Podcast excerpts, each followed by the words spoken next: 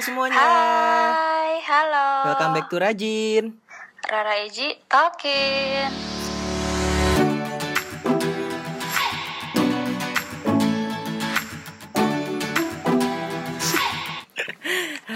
Aduh, aduh, aduh, aduh.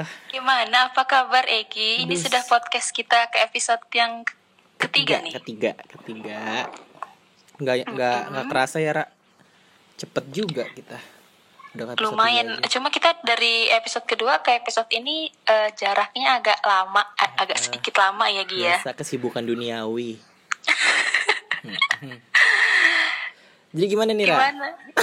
Eh, lo- bingung kan? Gue juga ada gimana ya gue cara memulainya nih. Pokoknya eh, di episode kita yang ketiga sesuai dengan judul yang kalian sudah baca.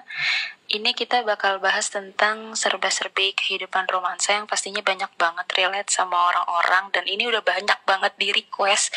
Gue sampai diteror orang mana podcastnya kok belum keluar juga gitu. Gak lu doang, gak lu doang, gue juga nih masalahnya. Podcastnya mana? Podcastnya mana? Kok belum diupload? Kok belum diupload? Aduh sabar mbak, ya ampun. nggak Jadi- nggak sabar pengen cari kata-kata yang pas di record terus dibikin kode gitu loh di Iya. Instagram Eh kita jadi kayak acara tahun 90-an ya, kayak acara radio tahun 90-an. yang ceritain orang biar orangnya biar orangnya tuh kesentil, ngerasa. Ya oke pokoknya ini eh, apa eh, di episode ketiga ini kita mau bahas tentang eh, kisah-kisah dan pengalaman-pengalaman percintaan eh, gue sama Egi. Dan ada juga nanti ada beberapa cerita dari teman-teman kita yang udah ngirimin ceritanya ke kita Egi. Iya, jadi ceritanya tuh nggak cuman yang happy ending tapi juga ada yang sad dan ada Betul. yang aduh, mencakup semua deh. ada yang apa ya ada yang ceritanya tragis banget. Mungkin salah satu cerita yang tragis itu lo kali Gi gue cerita tragis gue. apa semua cerita percintaan itu tragis Ya, bisa dibilang gitu cuman ada bahagianya lah. Cuman kayak gue Oh, pengen oke. ceritain satu kisah gue yang menurut gue tuh bisa lah buat dijadiin pelajaran untuk orang-orang di luar sana gitu. Yang mungkin lagi lagi menjalani hubungan seperti ini atau enggak gitu. Bisa lah diambil ilmunya Eh, dikit. Oke seperti ini yang gimana nih jadi lo lo mau mau mau ceritain kisah lo yang udah Iya. pernah yang yang udah selesai gitu atau Ya, yang sekarang sudah, lagi lo jalani Sudah usai, sudah usai. Kalau kata Raisa usai di sini. oh iya betul Hmm. jadi gimana Gi Nah, jadi gue ketemu orang ini eh 2017 2017 pertengahan. Jadi kita ketemu di salah satu aplikasi. Astagfirullahaladzim Lo tau gak lo tuh kalau ngomong aplikasi Gue jadi kayak Lo tuh emang Apa? menginfluence banget ya Iya. menginfluence gue Ayo semua. termasuk gue untuk Menyentuh Menggunakan aplikasi. aplikasi berlogo merah tersebut yang ada api-apinya. oke I know Nah, jadi gue ketemu dia di situ, orang itu gitu. Oke, eh eh, sebenarnya sih unik ketemu di situ. Terus eh, kita chat, dia cuman chat gue hai gitu. Terus abis itu gue bales dan dia nggak bales lagi dan abis itu gue mungkin lupa atau gimana gue udah nggak pernah buka lagi. Terus ada salah satu akun Instagram namanya Suara Emas.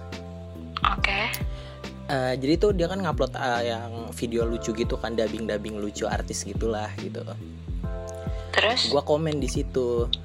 Hmm. terus ada orang tiba-tiba nge-like foto gue banyak banget. Terus gue kayaknya belum nge-follow gue. pernah denger kisah lo yang ini Ki. Terus nge-follow gue. Heeh.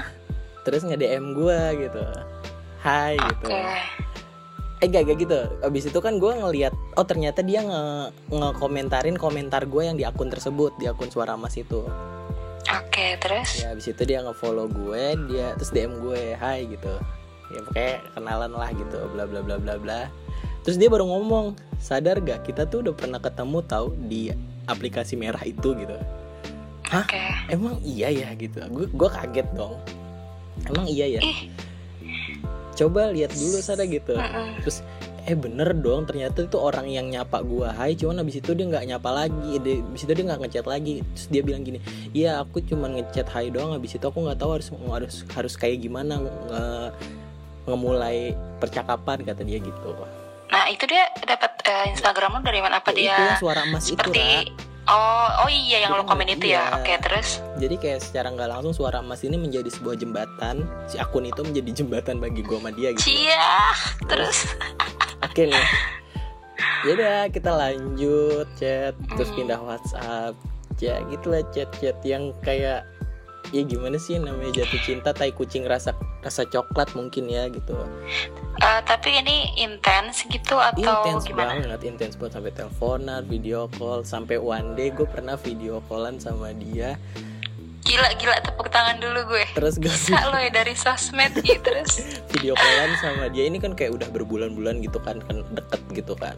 Video pernah video callan jadi dari jam 11 malam Oke. sampai subuh sampai jam 5 subuh Wow. dan itu keadaannya kita FaceTime itu sampai ketiduran pun sampai ketiduran pun juga Oh, masih ada ini dia tuh gitu dia yang lo pernah cerita. Oke, gue berarti cuma tahu buntutnya doang ya Iya. ceritanya ya. Terus ya terus eh ya udah kayak, kayak deket ketemu gitu ketemu di salah satu mall jalan berdua oke, terus? Apa kayak yang lucu kayak dia bawa bawa koper?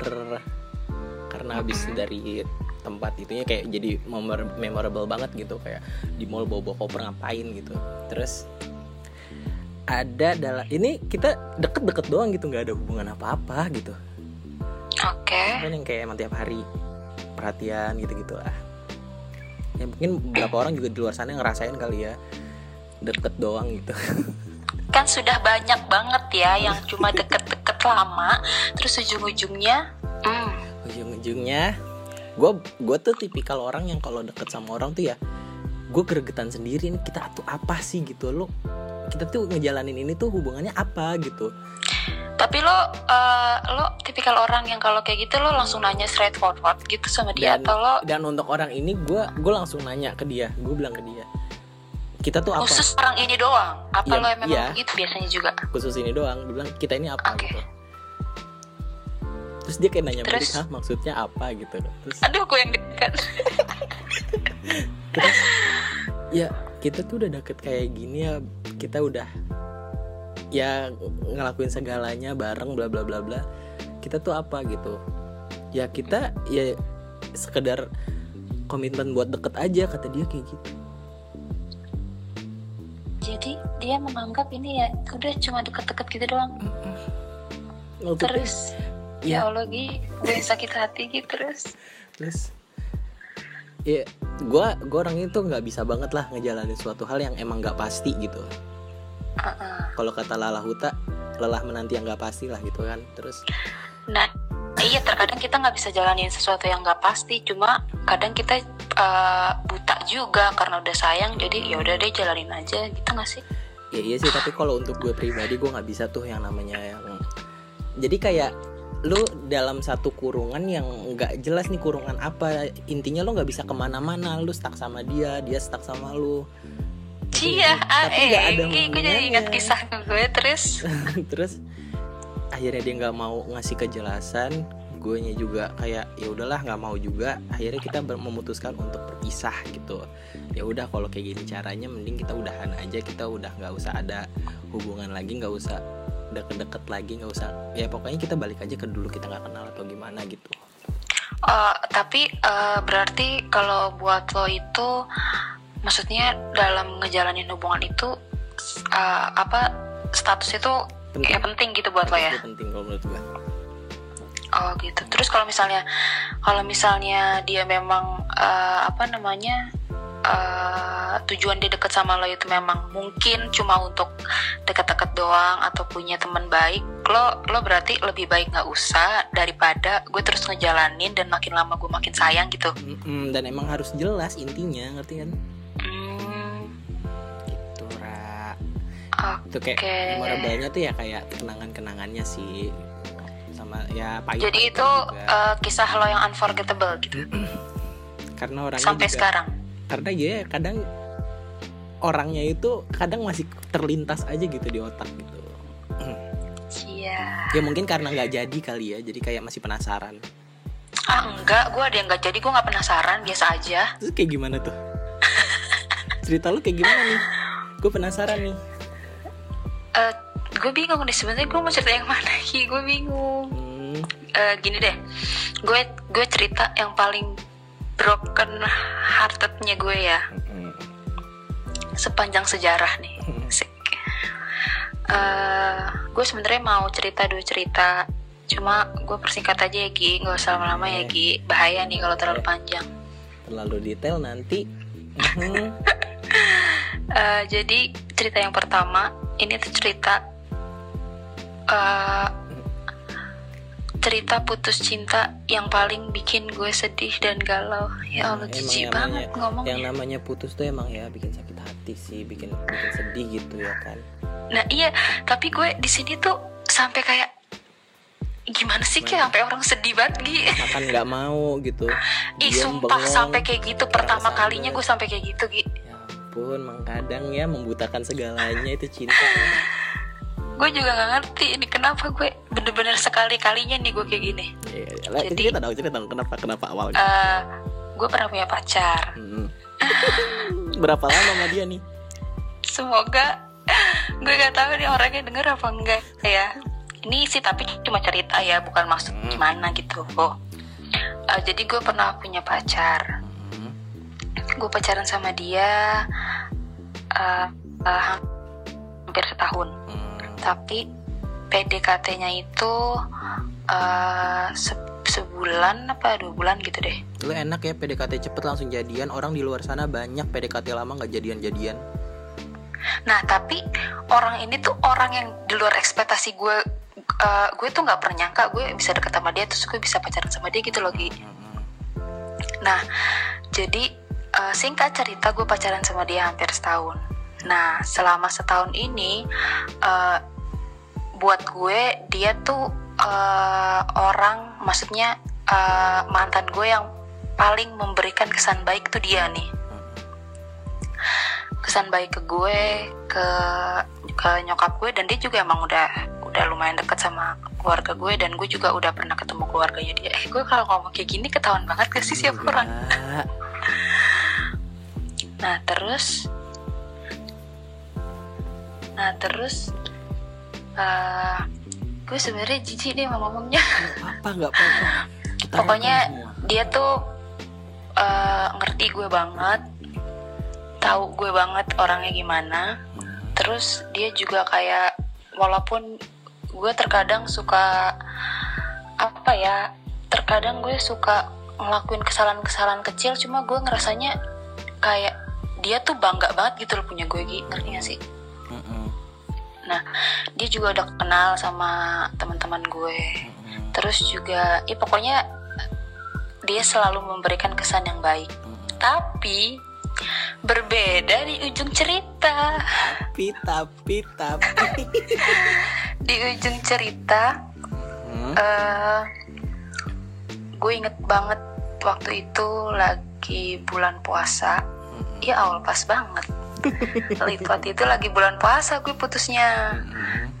gue inget banget itu itu hari kelima puasa dan seinget gue itu tiga hari setelah anniversary gue sama dia God, seingat itu sampai tang sampai sampai hari keberapa puasanya lo inget iya soalnya ini emang membekas banget ini tuh emang bisa dibilang mantan terindah asik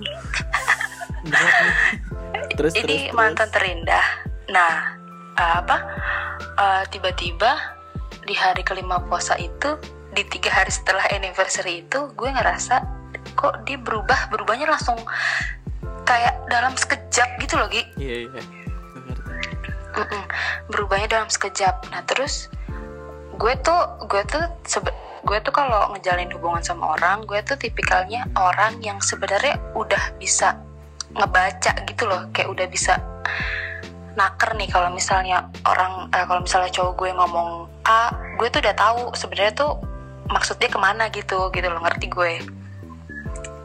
Nah Ki? Iya.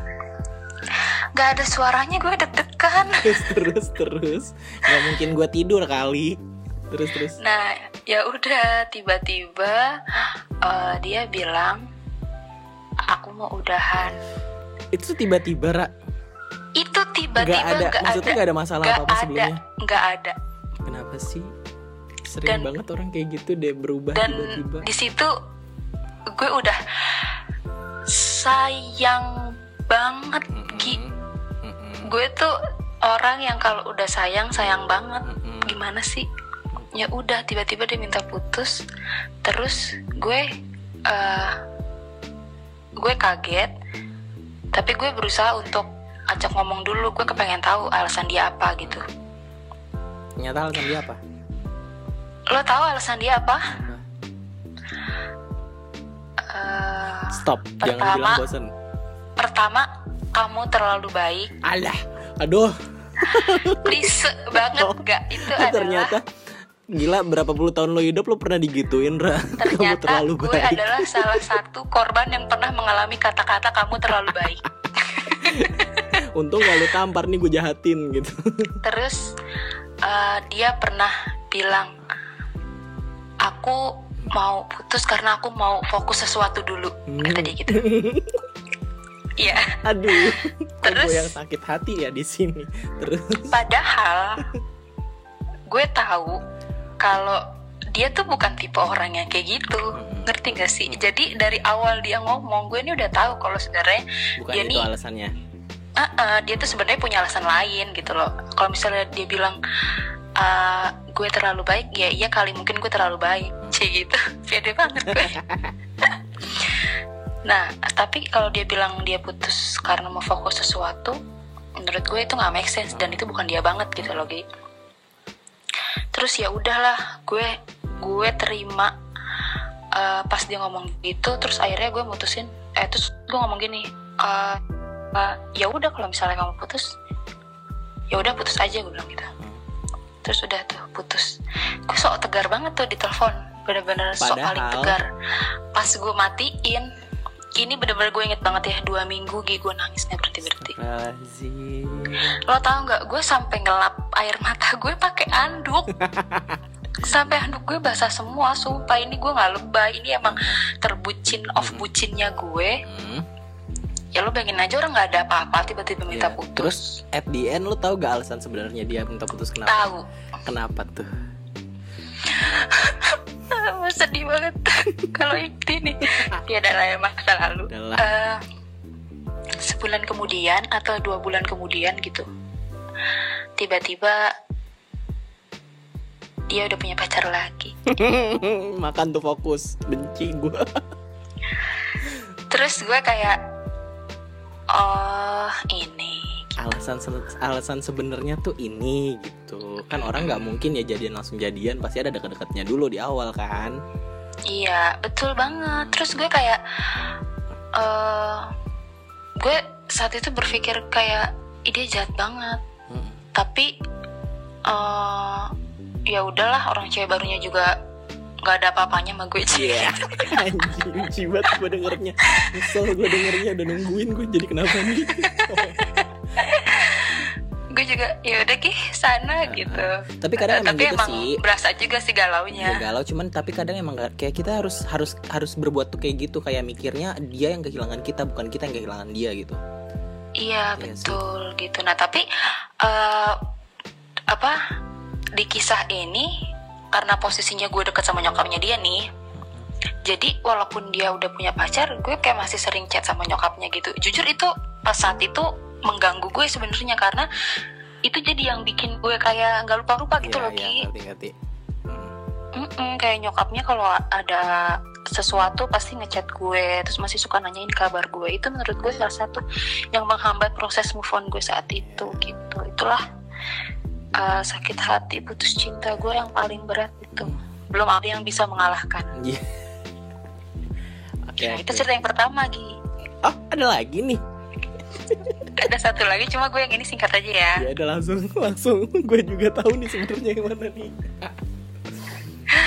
Gimana ini sih Ra? Eh, ini adalah eh, kisah percintaanku yang paling bodoh. Kalau yang tadi kan yang paling sayang dan paling sakit Mm-mm. ya. Otomatis kan kalau yang paling sayang, yang paling sakit ya itu juga gitu kan Ya, Gi kalau pasti. ini yang paling bodoh nih Kalau ini yang paling bodoh. bodohnya kenapa? Eh, bodohnya gue pernah bertahan sama orang yang salah untuk waktu yang lama. Ini lamanya nggak main-main ya. karena gitu gimana ya bertahan aja tuh kadang udah sulit gitu dan ternyata endingnya bertahan sama orang yang salah tuh kayak berat banget sih pasti Nah, cuma gue gue emang bisa bilang di kisah ini gue emang keterlaluan sih begonya.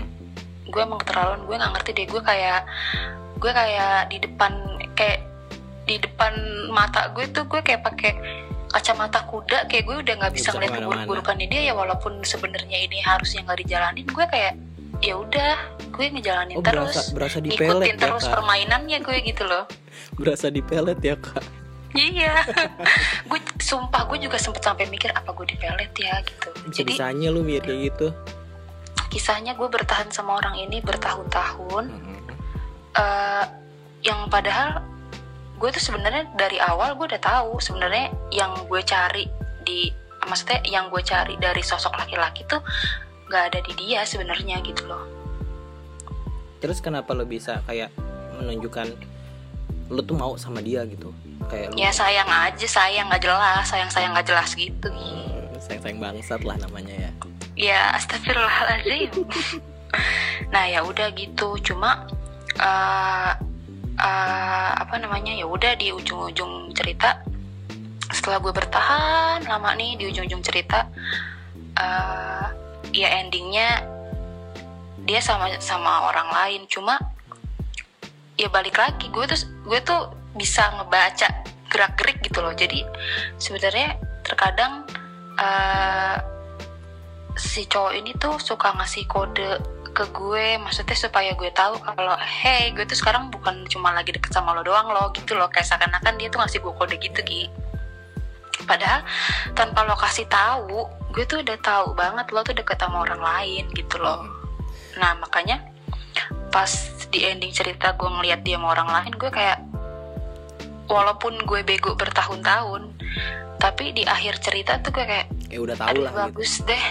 Hmm, Uh-uh, bagus kayak- lah gue juga nggak sama lu gitu Ah, duh bagus deh lo sama orang yang yang pas sama lo deh gitu toh juga gue juga emang menyadari kalau ya emang selama ini tuh gue sama dia tuh cuma maksain doang sebenarnya gitu loh Gi Iya, ngerti. cuma maksain doang gue jadi dan gue sama sekali di ending cerita gue sama sekali nggak ada tuh nangis galau terus kayak ya udah bye aja gitu Tapi kadang emang dalam satu hubungan kadang kayak kita harus pinter banget nganalisis sih. Iya Iya dan dan dan kayaknya dia tuh nggak tahu kalau gue tuh di belakang nih kayak observer kayak analisator gitu loh. Gue tuh sebenarnya udah ngebaca banget nih kalau akhirnya bakal begini gitu. Jadi pas dia kayak gitu gue udah nggak kaget. Ya udahlah lo bye aja gitu. Ya kadang lu bingung gak sih kenapa orang mau ngedeketin dua orang mau banget nyim apa nyanyain waktu untuk satu orang padahal dia udah ada orang lain gitu. Bingung gak sih? Kalau menurut gue sih gini dulu gue pernah jadi orang yang kayak gue tuh maunya gue selalu selalu jadi yang yang utama gitu. Uh, tapi ini dalam konteks PDKT ya gue selalu kayak gimana sih dia? Kok malah ngedeketin banyak orang? Kok dia oh oh ternyata dia bukan cuma deketin gue. Dulu gue kayak gitu Gi. Cuma gue gue ngerasanya uh, semakin ke sini gue berpikir kalau ya kalaupun dia saat PDKT dia lagi deket sama beberapa sama beberapa cewek menurut gue itu ya wajar aja sih. Mungkin dia lagi dalam proses memilih mana yang lebih baik. Nah menurut gue tugas gue di situ cuma ya gue nunjukin yang terbaik dari gue aja ya. Kalau emang at the end dia milih orang lain ya sesimpel berarti gue nggak pas buat dia dan berarti ya emang dia juga nggak pas buat gue gitu aja sih kalau gue sebenarnya. Ya udah gitu deh kisah gue Oke. cuma dua aja yang mau gue ceritain Jadi kemarin itu kita kan eh, kayak nanya lah di beberapa sosmed kita kan ada gak nih yang mau sharing kisahnya gitu. nah Dan ada kita- nih Ki yang udah cerita ke gue nih gila ceritanya panjang banget berasa mamah dedeh gue Enggak lu doang banyak juga nih cerita ke gue Kalau yang cerita kalau gimana Gi? Maksudnya cerita-cerita broken heart Oh. atau ada yang happy ending? Mungkin mostly sih kayaknya ada yang complicated, ada yang sakit hati juga, broken heart. Jujur kalau cerita yang masuk ke gue ini semua cerita sakit hati semua Gi. Gue bacanya sakit hati. Kayaknya emang kayak kisah romansa itu jarang deh. Kalau yang menarik yang yang happy ending gitu-gitu kayak nggak kayak nggak menarik aja gitu di pasaran. Kayaknya lebih menarik yang sakit hati Yang happy ending itu drakor say, Crash Landing on You. oh gitu ya gue nggak nonton. Oke. Ini jadi ada satu Oke, kisah datang dari hamba Allah. Jadi Oke, hai hamba Allah. halo Gi. Gue mau cerita nih gue pacaran sama pacar gue udah sekitar empat tahunan. Tunggu, ini yang cerita cewek apa cowok? cewek. Oke. udah empat tahunan gue pacaran sama cowok gue Mm-mm. dulu tuh dia romantis banget humoris. Ya bisa dibilang chat kita tuh hampir tiap hari tiap waktu sering spam sering spam sering video call gitu bla bla bla bla gitu. Sampai akhirnya dua tahun belakangan ini dia berubah berubah banget Dia gak lagi bawel dia nggak lagi spam chat dia berubah cuek jutek sama gue tapi ya gue tetap positive thinking mungkin bosen atau ya emang udah waktunya buat dia nunjukin sifat aslinya tapi emang dalam ber- hubungan tuh kayak gitu ya Ra ya Iya betul. Awal-awal mah kayaknya Manis, manis, aja gitu. semua. Uh-uh. Terus, sampai beberapa bulan kebelakangan ini saat gue jadi mahasiswa kelas malam Mm-mm. Gue nemuin cowok. Terus, sebut aja namanya oke. cowok ini juga punya pacar bahkan pacarannya udah sampai 8 tahun. Wow. dia deketin gue. Terus, demi apa? Ya lu sakit banget kalau jadi ceweknya. di situ gue sama-sama goyah. Sama-sama cinta sama pasangan masing-masing tapi gimana? Tentang gue sama dia Oke. gitu dia selalu ada buat gue. Brengsek gak sih? Lagi keadaan Parah. lagi keadaan gue sama pacar gue lagi begitu dia dateng. Tapi ya gimana gitu. Terus, tapi syukurnya sih sekarang dia udah nggak kayak gitu lagi. Jadi kayak kita sama-sama komitmen buat untuk baliklah ke pasangan kita gitu. Oke. Kayak gitu.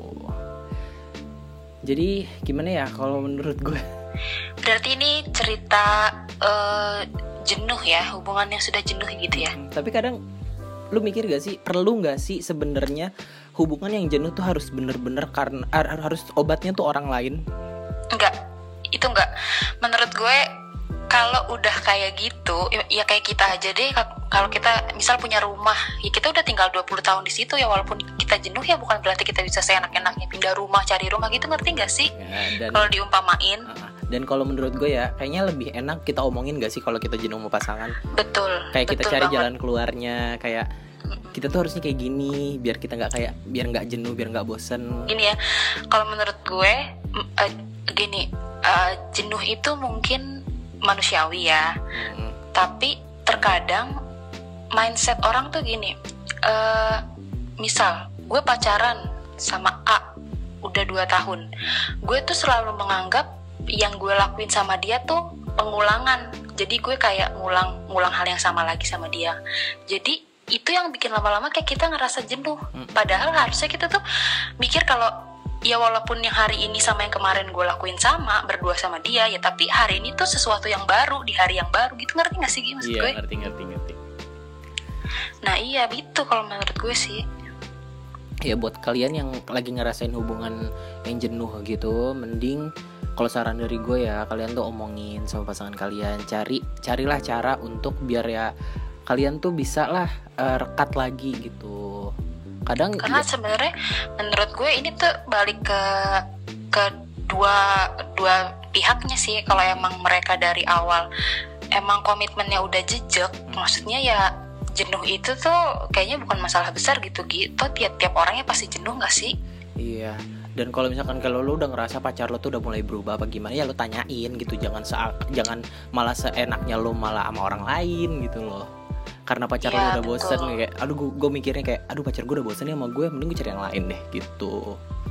kalau maksudnya menurut gue lebih baik ya kalau memang udah uh, ngelihat something fishy nih kayak kayaknya dia jenuh gue juga lagi jenuh kenapa gitu nggak cari hal baru yang bisa dilakuin bareng gitu soalnya gue juga juga pernah kayak gitu terus pacaran terus dia di satu waktu gue jenuh dia juga jenuh tapi si cowok gue ini bilang "E, maaf ya aku nggak chat kamu dulu beberapa hari soalnya aku lagi jenuh ntar kalau misalnya aku udah Hmm. good mood lagi aku chat kamu dan ya udah selama tiga hari itu gue ngebiarin dia untuk me time gitu Gi. Iya. setelah itu ya kita balik lagi gitu kayak biasa betul gitu Iya. jadi menurut gue ya kalau setiap jenuh harus cari yang lain ya nggak gimana? bakal jadi Wak sama gimana satu tuh? orang nggak bakal jadi. Mm-mm, cuma ya kan kita juga nggak tahu ya maksudnya cerita mereka tuh gimana gitu. Maksudnya yang sampai detailnya kan kita nggak tahu gitu itu sih dari hamba Allah itu. Kalau dari lu gimana ada gak yang masuk ke DM lo atau ke chat WhatsApp lo ada. Eh, ini eh sebenarnya ini yang masuk ke gue kan ada tiga nih cerita ya. Hmm. mau gue ceritain dari yang cerita paling ringan atau gue ceritain yang paling sakit? Gi pas dulu deh Gi dari ringan dulu deh kayaknya lebih enak. Oke, Eh, ini kebetulan yang cerita sama gue semuanya perempuan. pere pere. Oke, cerita yang pertama gini. Eh, eh, nih Ra, cerita gue katanya. Eh, jadi gue sama si cowok ini udah kenal sebenarnya lumayan lama. Kalau nggak salah sih dua tahun yang lalu. Dulu tuh gue intens gitu chat sama dia. Sampai akhirnya gue mulai ada benih-benih perasaan nih. Tapi yang gue lihat-lihat kayaknya selera dia ya bukan gue. Selera dia tuh kayak high class terus cantik. Sedangkan gue kayak remah rengginang di kaleng Roma. Karena gue terlalu insecure, akhirnya mundurlah gue pelan-pelan dan gobloknya gue sempat nanya dulu kejelasan gue sama dia gimana. Terus kalau nggak salah dulu dia bilang cuma pengen temenan doang. Akhirnya lost contact. Gue nggak komunikasi sama dia sama sekali. Dan gue juga kebetulan gak lama ngapus account line gue, tapi kita tetap temenan di IG. Tiap dia nge-story, gue kayak, duh rasanya pengen nge-reply tapi takut dan gengsi.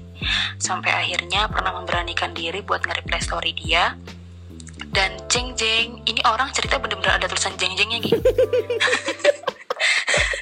dan jeng jeng. Balasan dia kayak seakan gak kenal gitu gue siapa. Terus gue mikir ah udahlah nggak usah reply story. Nah gue kan iseng nih download aplikasi dating gitu. Gila semua orang download Ada apa sih dengan app dating ya? app itu? Ya ampun. Tapi nggak apa-apa sih itu udah lifestyle sih kalau menurut gue. Oke, terus nggak sengaja ketemu dia. Gue penasaran dong, dia nge-swipe right gue apa enggak? Kalau gue nge-swipe right dia, eh ternyata match. gue chat lah tuh di aplikasi tapi nggak dibales. Akhirnya gue iseng, gue SS terus gue DM ke dia kayak ngeledek, ih siapa nih gitu.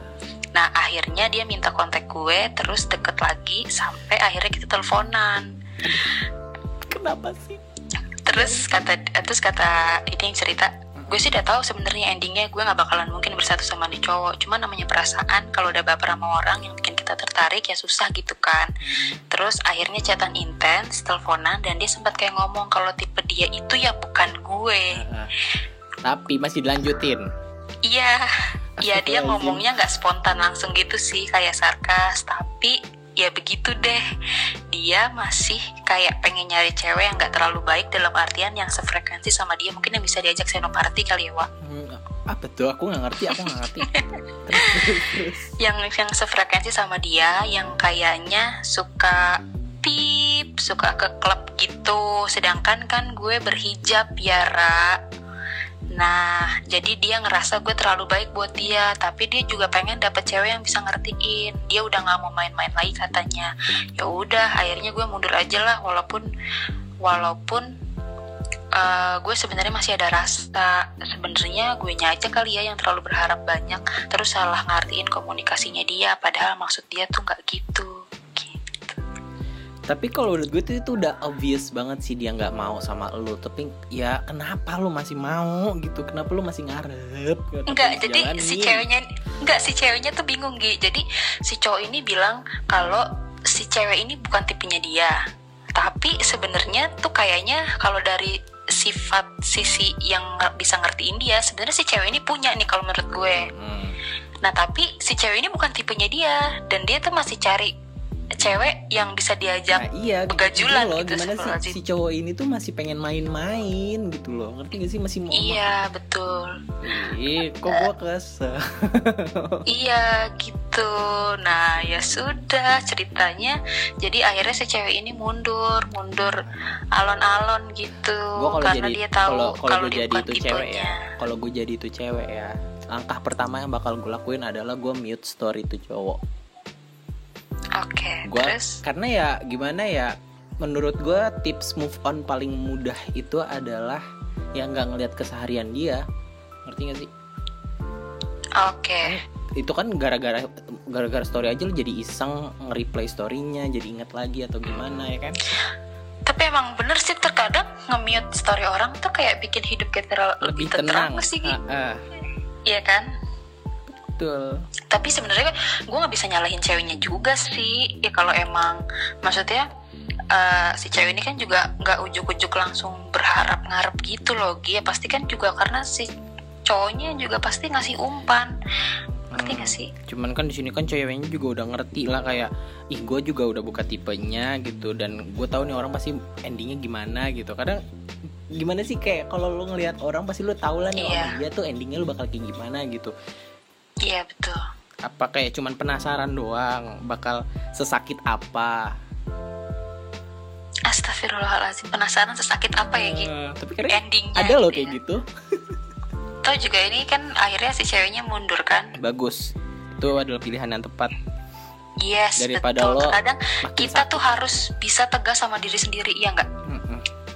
Kalau kita terus digiring nih sama sama cowok ke dalam permainan dan game yang nggak tahu ujungnya ke mana. Dan itu hanya cuma bikin kita terlena Mhm. dalam eh, manis-manisnya kata-kata itu. Menurut gue lebih baik kita stop.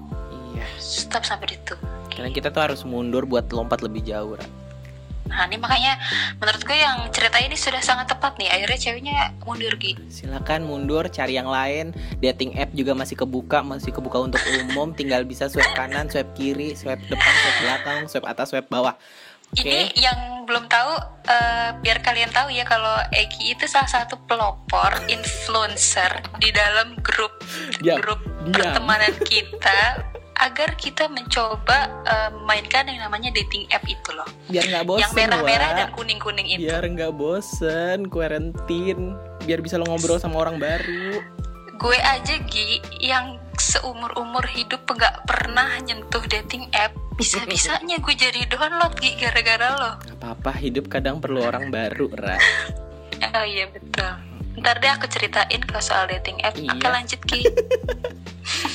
udah tuh si cewek itu udah mundur kan Udah akhirnya mundur dan sudah tidak berkomunikasi lagi. Oke, gue bakal ngasih satu cerita yang kayak menurut gue nih lumayan berat sih. Oke. Gimana tuh? Ini yang cerita apa perempuan Perempuan laki-laki? lagi, kayak mostly perempuan sih, nggak ada cerita laki-laki. Ah laki-laki tuh sok tegar atau enggak? Eh enggak bercanda bercanda. Gi. Diam, Bercanda Gi. Gue tahu Oke. kok cowok itu juga sebenarnya rapuh, cuma ya nggak nunjukin aja gitu. aja. Jadi Kayak gimana Gi, jadi Gi, gue nemenin dia dari susah. Belum ada kerja, ketimpa masalah keluarga. Sampai sampai dia punya kerjaan bagus dan bisa biayain hidup dia. Belum apa-apa gue udah udah langsung deg-degan aja nih terus. Awal hubungan niat kami serius katanya Karena waktu itu posisinya gue habis disakitin dia juga habis disakitin Dia bilang gak mau pacaran kalau nggak berakhir nikah Akhirnya gue mengiyakan dong Karena ya perempuan mana sih yang gak seneng dijanjiin nikah Ya kan? Rencana enggak, enggak juga sih terus. rencana udah Hmm. mateng Gue udah kenal keluarganya Dia juga udah kenal keluarga gue gitu Oke. Ternyata semua itu cuma manis di mulut aja Nah, terus aduh gue gue nggak suka banget nih sama cowok-cowok kayak gini nih Oke. banyak janji tau nggak terus karena dia nggak seolah nggak se- semata-mata kemakan janji sih dia juga ngelihat awalnya tuh tingkah tingkah laku si cowok tuh kayak Oh. sweet banget kayak nyamperin hujan-hujan gitu ke rumahnya Jadi cowoknya gitu. labil perubahan cuaca climate change gitu ya. global warming Wak. Hmm, terus Terus juga si cewek ini eh, dia bilang gini berawal dari gue tuh awalnya kagum banget sama dia karena dia anak rantau yang nggak rusak karena kena lingkungan sampai akhirnya Ah. sampai akhirnya gue tahu dia serusak itu rusaknya dia menceritakan gak rusak gue seperti apa ceritain ya gue nemu di story Instagram sepupunya dia lagi dugem dan joget sama cewek lain Di posisi itu dia lagi pac- masih, Masih pacaran, pacaran, itu. masih pacaran. Oke, terus Seiring berjalannya waktu dia berubah. Yang tadinya sebulan bisa tiap weekend sempetin datang ke rumah, sampai gue sekarang harus marah-marah dan ngambek dulu baru dia nyamperin gitu. Intinya dia berubah. oke. Akhirnya kayak berantem, terus kayak kata-kata putus tuh ya nggak apa nggak jarang buat keluar dari mulut mereka masing-masing gitu. oke, Padahal terus. kesalahannya itu itu aja. Terus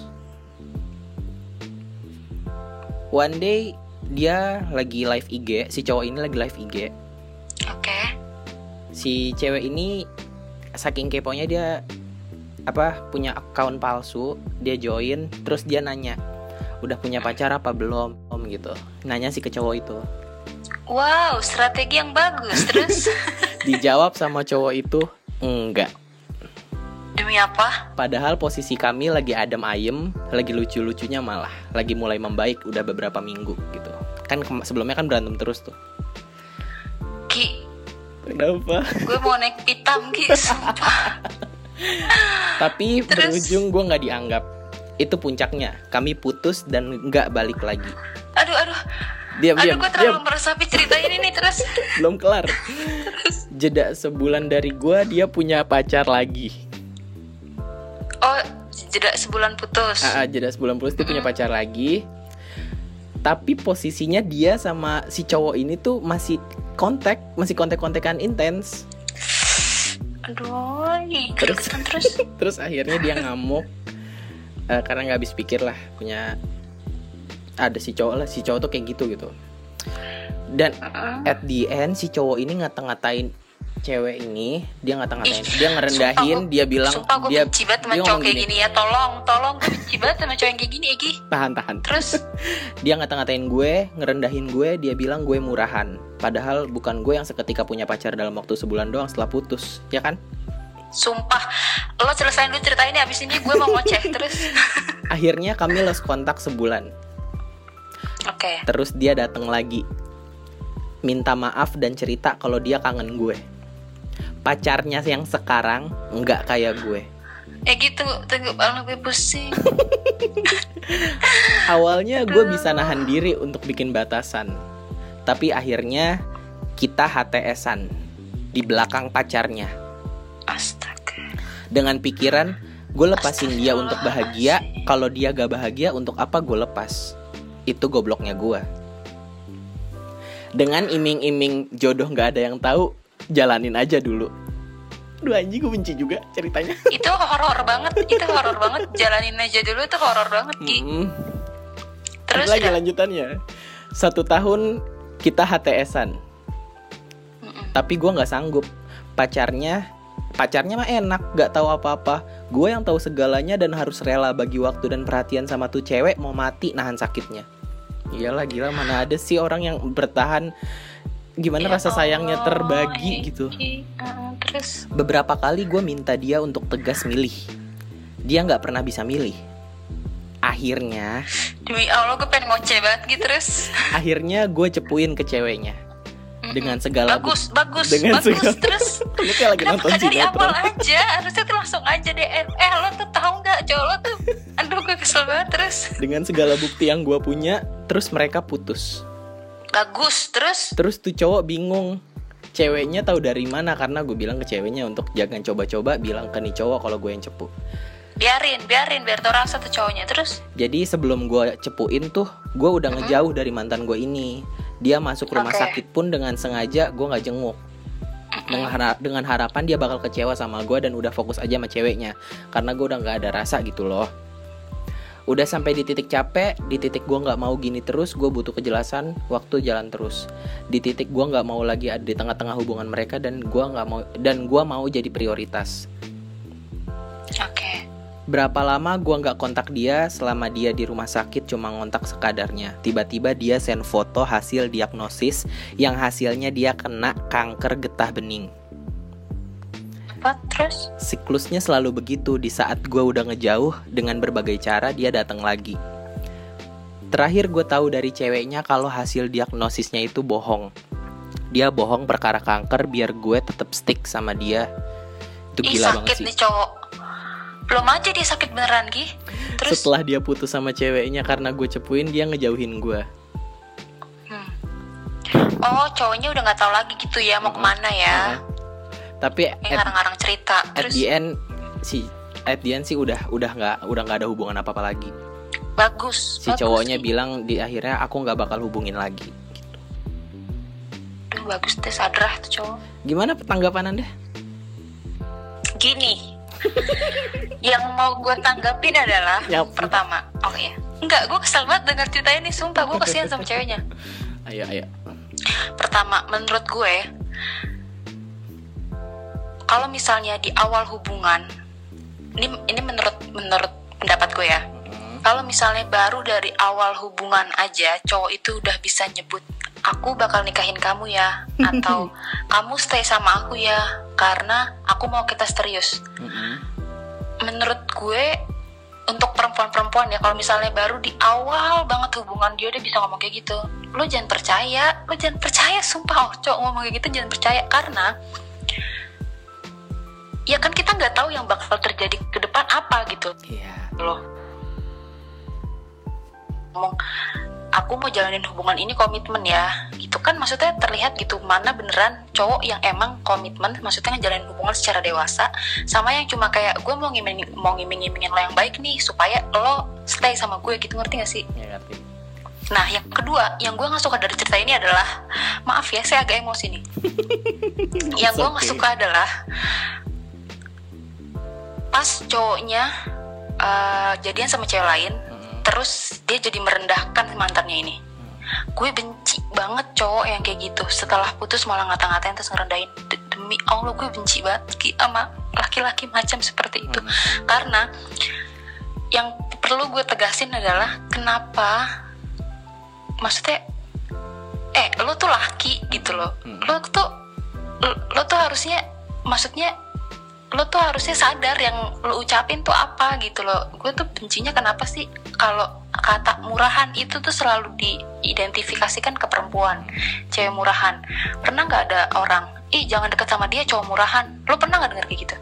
Enggak, jarang. nah nah di mana mana orang tuh pasti ngomong ih dasar lu cewek murahan. Apalagi ini posisinya pernah pacaran. Terus pas putus dia bisanya ngomong kayak gitu ya. Walaupun itu mungkin dia hilaf atau kerasukan setan sebentar gitu ya. Tapi menurut gue nggak pantas aja sih kalau dia ngomong kayak gitu. Gitu Gi. Gue kesel banget sumpah dengernya. Dia bisa bisa bilang ceweknya murahan kayak gitu. Ih gila kali tuh ya laki. Dan ini udah toxic banget sih kalau menurut gue. Parah. Ini ini si cowoknya sih menurut gue. Rada psycho gak sih sampai dia kayak harus bikin cerita bohong gitu biar orang biar orang tetap stay sama dia, biar bisa ngubungin orang gitu. Psycho sumpah gak sih? Psycho gak sih? toxic banget. Gi sumpah. Aduh gue sedih banget deh. Gue kesian sama cewek ini. Siapa sih Gi? Ya ampun stay strong ya kamu. Eh, Apa namanya? Nih yang nulis cerita ini nih pasti eh, Apa Kisah dia ini Jadi pelajaran banget deh pasti buat dia Jadiin pelajaran. Gue- kesel banget Gue awal dia sumpah. cerita tuh gue speechless, benar-benar speechless, speechless gimana ya? Ya kak, sometimes gue juga kayak ngerasa lo tuh juga salah gitu. Ya, kenapa lo lanjutin lagi hubungan sama tuh orang gitu? Nah Ya iya dia juga ngerasa sih kalau dia bodoh di situ gitu. Nah iya itulah kelemahannya perempuan kan karena gini ya kan yang yang namanya orang juga udah tahu kalau laki-laki itu lebih pakai logika, kalau perempuan itu lebih pakai hati. Nah ya ini jadi kadang terbenturnya di situ Gi ngerti nggak sih? Kalau kalau perempuan tuh kadang ya udahlah kalau cowok punya salah ya udahlah maafin aja toh juga perempuan tuh kalau menurut gue perempuan tuh selalu berpikir kalau yang namanya udah sayang sebrengsek apa pun cowoknya itu dia selalu berpikir kalau dia pasti bisa berubah dia pasti bisa akan akan menjadi lebih baik lagi gitu ya. Tapi kalau misalnya pada akhirnya dia tetap brengsek ki gue kesel banget. Ya udah bye aja bye. Bye. Gitu loh. Gila ya. Ada ya cowok aduh gini. keringetan gue dengar cerita ini. Tapi ya bagusnya ya udahlah semua berakhir lah gitu ya. Masalahnya tuh cerita ini tuh kayak kayak apa sih kayak karut kemarut gitu lo ngerti gak sih? Gini ya kalau gue saran gue buat cewek-cewek di luar sana kalau lelakimu sudah menunjukkan sifat yang kasar mulut si mulutnya yang udah nggak bener ngata-ngatain lo ngerendahin lo kayak mending lo harus tinggalin deh. Bukan Gimana bukan, ya? bukan mending lagi ya ya, lu tuh gak sesayang- pantas gitu lo pacaran sama orang kayak gitu sesayang gitu sayangnya lu secinta cintanya lo sama orang tuh lu tetap harus mikir pakai logika lu. Kalau orang udah kayak gitu nanti gimana eh, gimana hubungan lo selanjutnya sama dia gitu? Lo lo mau emang direndahin terus kayak gitu gitu. Maksudnya ya lebih baik stop sih gitu. Iya karena betul dan masih dan- banyak laki-laki baik di luar sana banyak banget ngambrek Iya betul. Dan terkadang juga menurut gue salahnya adalah eh, ya mungkin ini sulit sih ya buat buat perempuan-perempuan lain. Cuma sometimes tuh eh, sebelum kita sayang sama pasangan kita kita tuh harus harus sayang sama diri sendiri dulu gitu loh harusnya.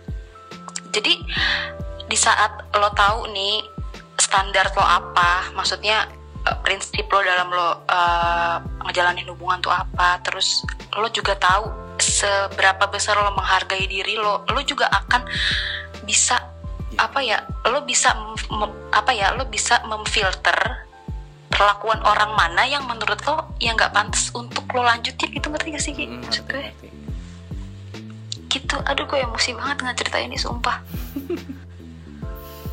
Gitu. Jadi ya udahlah perempuan-perempuan kalian tuh harus menghargai diri kalian dulu supaya kalian tuh nggak nggak apa ya nggak bisa nggak bisa membiarkan diri kalian diperlakukan seenaknya gitu sama orang lain ya iya betul Oke, udah deh kayaknya cukup deh bahas ini deh daripada kita makin nyap-nyap ya kan? oke gue bacain lagi nih Boleh. Oke, tar dulu ya. Yang cerita ini adalah, hmm, kalau menurut gue sih ini cerita PHP ya, Ki. PHP, pemberi harapan palsu. Yes, langsung aja gue bacain ya. Langsung, Ra. eh katanya gini, jadi gue punya cerita, Ra. Gue dulu pernah kenal sama cowok. Dia itu kakak kelas gue SMP. Selama di SMP sih nggak pernah deket ya, cuma kenal muka doang. Dan mungkin udah saling suka, tapi masih shy shy cat, nggak berani ngedeketin. Cat. kucing ah, iya. nah setelah itu gue kelas 2 SMA lah mulai deh tuh cowok itu mulai ngedeket ngedeketin dengan ngechat awalnya dan itu posisi gue lagi berusaha untuk move on ya dari seseorang juga oh jadi si cewek ini posisinya lagi move on terus datang lah nih tiba-tiba cowok ini ngechat Mm-mm. Nah terus uh, awalnya gue jutek uh, apa Jual namanya? mahal lah, Wak. Ah, ah, jutek. Tapi berusaha buat enjoy dan open. Dan akhirnya gue tertarik setelah chat lama sampai akhirnya kita ketemuan ngobrol langsung dan makin dekat. Lumayan lama gue deket sama dia dan dia nge-treat gue bener-bener beda banget. Kayak udah spesial deket gitu yang gue ngerasa diperlakukan dengan sangat baik. Apalagi pas bulan-bulan puasa. Aduh kenapa sih bulan-bulan puasa emosi deh gue bulan-bulan puasa nih. Di bulan puasa emang harusnya puasa, bukan pacaran lu. Ah, Astagfirullahaladzim Egi. Bulan puasa keinget momen sama dia aja gitu. Oh karena ini lagi bulan puasa di flashback. Di si cewek ini flashback. Mm-mm. kayak dulu dia pernah nemenin gue uh, ikut acara waktu bulan puasa. Oh SOTR kali ya. Atau bukber gitu ya. Dengan bangganya dia ngenalin gue ke temen-temennya dan dia bilang nih calon istri gue gue benci banget bacanya sumpah. Gue benci banget cowok kayak gini Gi. Nih kenalin calon istri gue. Cocok tak kabur. Terus, Ih, terus. gila elau. Terus di situ gue udah mikir dong nih cowok beneran. Dia juga udah pernah ke rumah gue ketemu nyokap dan kenal teman-teman gue. Nah gue ngerasa nyaman banget sama dia jadi gue percaya. Ditambah dia pernah ngomong mau ngungkapin sesuatu. Gue padahal selalu sabar dan menunggu sesuatu itu. Mm-mm. kita sering chatan tapi nggak yang intens tiap menit bales gitu ya. Kondisinya dulu gue sama dia rada sibuk. Nah terus ada momen puncaknya gue sakit hati banget dan terhianati banget. Asli pakai tanda seru. Udah nunggu dihianatin lagi tuh. Nah, waktu itu pas banget gue ulang tahun ke-17, Sweet Seventeen. Yang harusnya gue merasakan kesenangan, senang-senang di hari ini. Sorry, di hari itu. Tapi ini malah merasakan kegalauan, sakit hati yang amat terdalam. Asik. Jadi teman-teman gue ngide mau surprisein gue bawa dia datang ke rumah. Berhasil lah dia datang. Awalnya gue senang karena dia nyempetin dan cerita-cerita banyak. Ingat banget dia nyuruh sholat dulu lah segala macem seperti layaknya kita deket. Habis itu mulailah ngobrol dan ini cowok ngasih-ngasih tahu foto kegiatan dia gitu. Dia cerita kegiatan dia selama dia nggak main sama gue kemarin-kemarin. Terus pas kegeser handphonenya, jadi cowok ini kan nunjukin foto-foto dari handphonenya. Mm-mm. Tiba-tiba ke slide foto cewek pakai kacamata. Uh-uh. Gue tanya ini siapa dan akhirnya dia ngejawab kalau jeng jeng jeng jeng jeng jeng itu pacarnya ini pacar aku. Astagfirullahaladzim gue mau marah. Astagfirullahaladzim gue mau marah. Allah Gue mau marah lagi Astagfirullahaladzim ya Allah. Kenapa? Terus terus lanjut ya, taruh dikit lagi nih. Terus kata dia, seketika gue shock dan gue bener-bener langsung sok ke kamar mandi dan gue nangis karena udah nggak tahan banget, gila sakit hati banget gue itu Hmm. nggak paham pikiran dia tuh gimana ya, nggak mikirin gue selama itu deket dan nunggu-nungguin untuk dia ngasih kepastian ujung-ujungnya malah dia jadian sama cewek lain. Pip, ah nih cowok, Pip maksudnya ngatain Oh ya. ngatain Pip, ah nih cowok. Aduh, gue ngetik gini aja sakitnya masih berasa banget sampai sekarang kalau diinget-inget. Gitu, Ki. Gimana, Ki?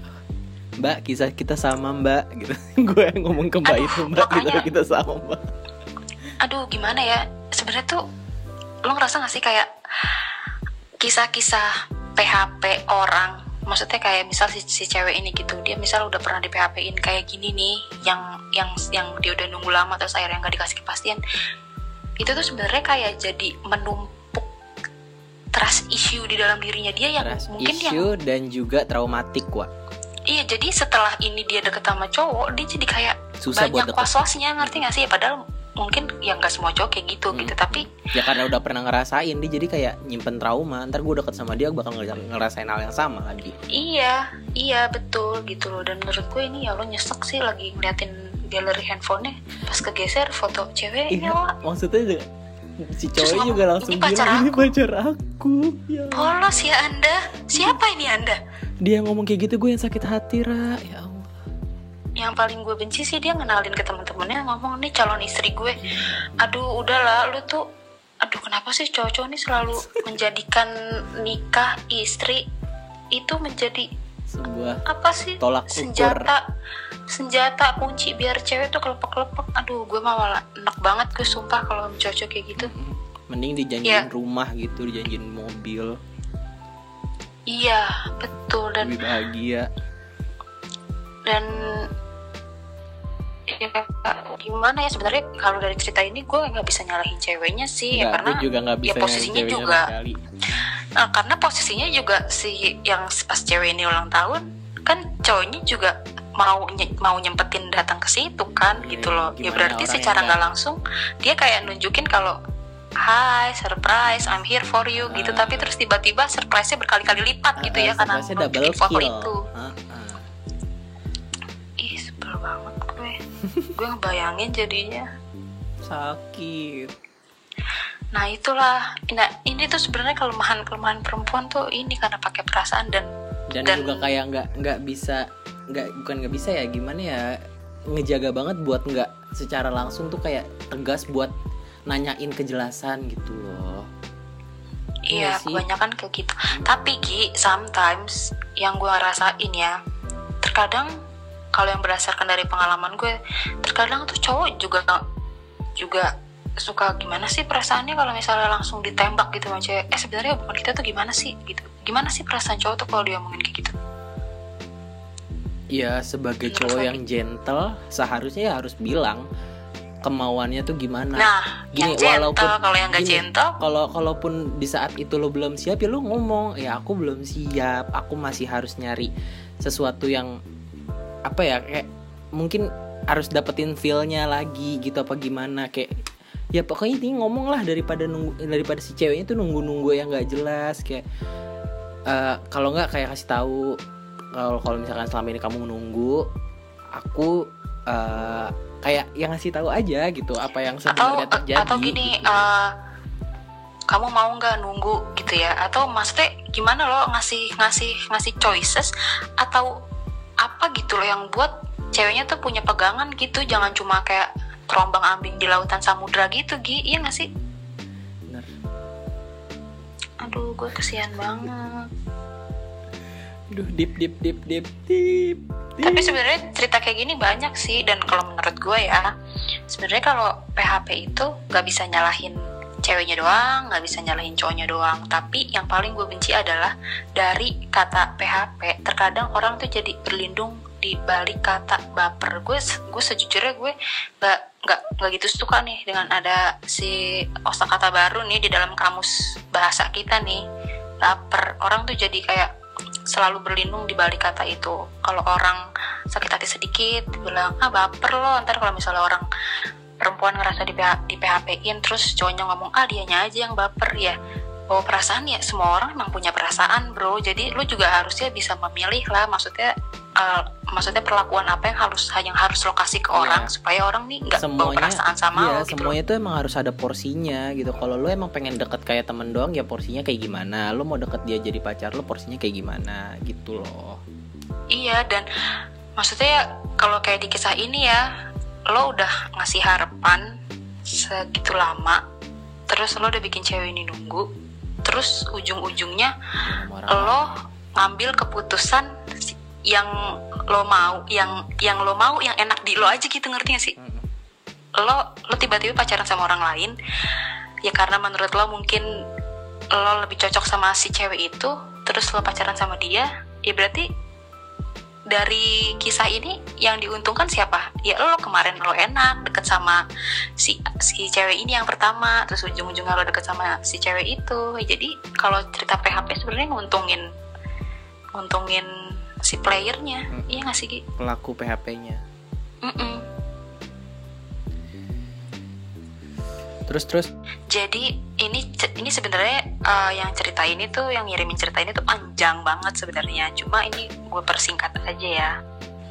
Jadi cerita ini adalah kisah uh, hubungan asmara yang sudah dirajut selama 8 tahun. Ini yang cerita ke gue nih si ceweknya. Set 8 tahun kalau punya anak udah SD tuh Nah kan udah SD, udah ikut pesantren kilat. dia udah bisa Emang mandi sendiri bisa makan sendiri. Mm-mm. Jadi eh, dia ini pacaran 8 tahun. Nah tapi di beberapa tahun terakhir itu mereka ini LDR. Mereka ini LDR LDR, si cowoknya kuliah di luar kota. Nah terus eh, udah ngejalanin hubungan lama banget kan ya. Nah terus tiba-tiba di ujung-ujungnya si ceweknya ngerasa ada something fishy gitu loh. Karena kayak udah sering berantem dan cowoknya ada kayak banyak berubah gitu. Nah, ya kan. Nah, terus eh, tiba-tiba eh enggak tiba-tiba, Deng. Jadi eh, satu waktu si cewek ini jalan-jalan lah keliling Eropa si cewek ini. Nah, terus eh, dia niatnya pas pulang ke Jakarta dia mau mau, mau ketemu nih Mas mau ketemu sama sama si apa masih pacar ini nah tapi emang si cewek ini emang niat dari awalnya mau ngeudahin semuanya si ceweknya gitu loh Mm-mm, si ceweknya emang dari awalnya gitu nah si ceweknya ini mau ngudahin karena uh, ya itu cowoknya pernah bilang kalau dia nggak mau pacaran karena dia hijrah karena dia hijrah gitu. Nah terus jadi si ceweknya kayak udah berlapang dada gitulah buat putus nggak mikir apa-apa karena mikirnya ya udahlah itu mungkin keputusan yang lebih baik buat gimana sih kayak keputusan personal gitu kan. Mm-mm. Nah terus uh, katanya cewek ini nyampe Jakarta hari Jumat. Nah dia niatnya itu mau ketemu hari Senin. Ah, Eh hari Sabtunya dia dikasih petunjuk sama Allah nih dia ngomong gini eh Sabtunya gue dikasih petunjuk sama Allah dari fake account Mm-mm. kayaknya sih buatan seseorang yang di mana seseorang ini ceweknya si pacarnya yang baru alias selingkuhannya Iya. Nah tapi ini posisinya dia belum belum putus ya di sini putus. Nah, terus eh, si fake account ini ngasih foto candid cowoknya sama cewek lain lagi nonton konser sambil rangkul-rangkulan. Mm-mm. Tapi fake account itu cuma ngirim foto doang, nggak ngomong apa-apa. Mm-mm. Nah, di foto itu, cewek yang lagi dirangkul sama cowoknya itu Adalah. kenal baik nih sama yang curhat ini kenal baik. Mm-mm. jadi si cewek ini udah kenal sama selingkuhan si cowoknya itu nah terus eh, yang bikin nih kata yang cerita ya Mm-mm. yang bikin gue sakit hati adalah alasan hijrahnya karena terakhir ketemu gue aja dia nggak mau nyentuh samsek. Toh salaman juga nggak mau. Eh terus malah ada foto rangkul-rangkulan sama cewek lain. Eh, terus akhirnya putus. Setelah officially putus mereka ngepost ke mana-mana berdua tanpa dosa. Si cewek dengan bahagianya ngepost keseharian mereka yang ke mana-mana bareng. Nah jadi ternyata si cewek ini adalah teman si cowok ini di saat dia ngerantau lagi kuliah di luar kota gitu Aduh. maksudnya terkadang orang ngomong kalau selingkuh itu bisa diobatin selingkuh itu penyakit gitu kan terkadang orang ngomong kayak gitu tapi kalau menurut gue selingkuh itu bukan penyakit selingkuh tuh suatu pilihan yang dilakukan secara sadar gitu loh Iyalah. ngerti nggak sih Sadar. jadi selingkuh itu bukan kayak lo lo flu flu yang gak lo cari-cari terus lo terus lo kena flu terus itu bisa diobatin gitu serta merta dalam waktu yang singkat terus hilang gitu. Udah yang kayak gue bilang tadi sebelumnya kalau emang udah bosan sama pasangan mending kalau emang lu pengen banget putus ya lu putusin. Kalau pengen lu perbaikin lu perbaikin gitu. Jangan cari cara jangan cari orang lain gitu. Iya betul. Bukan sebuah obat orang lain itu. Udah Ya, yang kayak gue bilang tadi sebelumnya kalau emang udah bosan sama pasangan mending kalau emang lu pengen banget putus ya lu putusin kalau pengen lu perbaikin lu perbaikin gitu jangan cari cara jangan cari orang lain gitu Iya, betul. bukan sebuah obat orang lain itu Ya, itu. Cuma lo lo tuh pernah gak sih di kayak diselingkuhin gitu? Pernah gak? enggak nggak pernah alhamdulillah Gue pernah. Sebelum lo tanya, gue langsung ngomong ya gue pernah. gue pernah, cuma eh, apa ya? eh, kayak dari yang si cerita ini sih, maksudnya ya itu aja yang udah pacaran 8 tahun nih kita tuh nggak tahu ujungnya ke mana gitu Hmm. ngerti gak sih nggak tahu kalau akhirnya itu bakal happy ending atau sad ending kalau anda kalau anda waktu itu sedih tak berujung ya oh iya benar. Bener banget. Atau akhir cerita cinta ya. Gitu. Udah udah. Sandiwara kebanyakan. kah selama ini? Ntar jadi tribut nih kita. Oke. Udah gitu deh cerita terakhir Cerita dari terakhir. aku. Duh gila nih, gue bikin kita pertama kali banget nih lebih dari satu jam. serius? Mm, udah satu jam 18 menit. Iya soalnya kan ya gimana kan? Nggak cerita soalnya kita doang. si cerita-cerita orang yang dikirimin ini tuh menurut gue kayak menarik-menarik banget gitu loh Gi. Kayak relate gitu lah sih. Kayak dan ini juga sebenarnya belum mau dibacain kan? Iya belum anjir gue masih banyak banget. Kayak kita harus buat part 2 nya gak sih? Iya. Iya betul, gue setuju, gue setuju buat part Oke, 2 oke. Karena nih masih ada cerita lagi yang ini pasti relate banget sama orang-orang. Dan gak mungkin kalau kita ceritain di episode satu ini ya kan? Jadi Nggak gitu, kalau menurut gue nih terutama untuk perempuan-perempuan ya Yang apa masih terlalu mengandalkan hati daripada logika Menurut gue nih emang harus mulai diseimbangkan kan? Karena daripada ngomong nanti juga dia berubah. Kalau menurut gue lebih lebih baik untuk mikir kalau dia ternyata nggak berubah gue masih tetap sayang nggak ya gitu. Atau enggak eh, buat buat semuanya deh mau mau cowok kayak mau cewek kayak kalau misalnya kita tuh kayak harus ngomong dulu gitu loh ke diri sendiri. Gue nih kira-kira mau nggak ya kalau misalnya pacaran sama orang pacaran sama diri gue sendiri yang sifat gue kayak gini gitu ngerti gak sih Gi? iya ngerti. Nah iya kan? Jadi itu karena tuh gimana pun juga kan kita yang lebih tahu diri kita kan. Mm-mm, kayak lo seka- sekarang kan tiap orang kan pasti punya kekurangan. Lo tuh harus lihat gitu di diri lo. Lo tuh mau nggak sih kalau misalnya lo tuh pacaran sama orang yang kayak lo? Misalnya lo selingkuh atau lo atau lo PHP atau lo uh, ngegantungin orang lo tuh mau nggak sih berhubungan sama orang yang kayak apa yang lo lakuin ke orang lain gitu loh? Mm. Iya nggak sih kayak kalau menurut gue gitu. Dan kalau dari gua buat kan tadi kalau dulu kan dari dari lo kan buat cewek nih jangan pakai hati banget gitu harus seimbang. Nah buat cowok juga kayak gitu jangan pakai pikiran banget pikirin hati tuh cewek gitu loh. Kalau apa yang lo lakuin serasanya nyakitin dia ya stop gitu. Iya Iya tapi sih. kan kadang cowok suka nggak sadar gitu ya itu harus bebenah diri wa Nah iya gitu sih dan aduh ini sebenarnya emang kalau cerita kayak gini tuh cewek pasti yang lebih melo nggak sih? Dulu gue melo, cuma sekarang gue kayak sorry lo pergi bye. gitu Lo mau sama gue? ayo, Ayo. lo mau mencoba untuk ngejalanin dulu ya walaupun kata-kata ngejalanin dulu itu horor tapi gue ya ayo gitu kan karena kan kalau dalam semua proses butuh proses. pengenalan kan kita nggak ada yang tahu. Tapi kalau lo lebih milih lo sama cewek lain gue nggak gue nggak akan nahan-nahan lo. Hmm, lo bye aja gitu, kalau gitu. gue. Gitu. Jadi perempuan tuh juga harus punya standar gitu loh. Harus tahu di mana titik dia harus tegas sama diri sendiri. Oke gue stop harus di sini gue nggak boleh lagi ngejalanin sama dia gitu. Karena ada juga nih Gi. Gue tambahin sedikit ya Gi. Boleh. Ada juga nih terkadang perempuan yang merasa kalau eh, apa ya eh, cintanya tuh nggak tersampaikan karena mungkin cowok itu merasa maskulinitasnya atau kejentelannya dia tersakiti karena mungkin cewek ini lebih bisa dibanding dia ngerti gak sih? iya iya ngerti Iya kan, jadi terkadang ada cowok yang dia akan lebih merasa gentle dan akan lebih merasa maskulin kalau ceweknya dia itu standarnya di bawah dia gitu.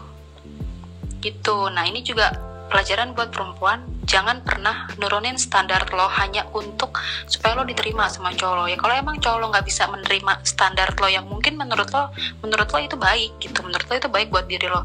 Tapi kalau misalnya cowok nggak bisa menerima prinsip dan eh, standar diri lo itu kayak gimana ya lebih baik lo harus mencari cowok ya, yang standarnya lebih tinggi dari lo gitu loh iya yang Oh, maksudnya yang jajar. yang bisa menerima yang bisa menerima lo harus find someone dengan apa ya mencari eh, laki-laki yang dia tuh punya bigger hands untuk menampung Menerima. semua Ah, kelebihan gue, Ki? lo? Menampung semua kekurangan lo gitu. Nggak cuman iya kekurangan jadi tapi kelebihan juga gitu. Gitu. Karena terkadang gimana ya? Ya hidup Tinder. Eh maaf Egi. Aduh, ini lagi kalau ngebahas kalau ngebahas dating app nih. Ya Allah. Speed- episode 4 episode 4 Gue tuh nggak mahir sebenarnya dalam membahas ini lo yang mahir di. udah udah udah udah.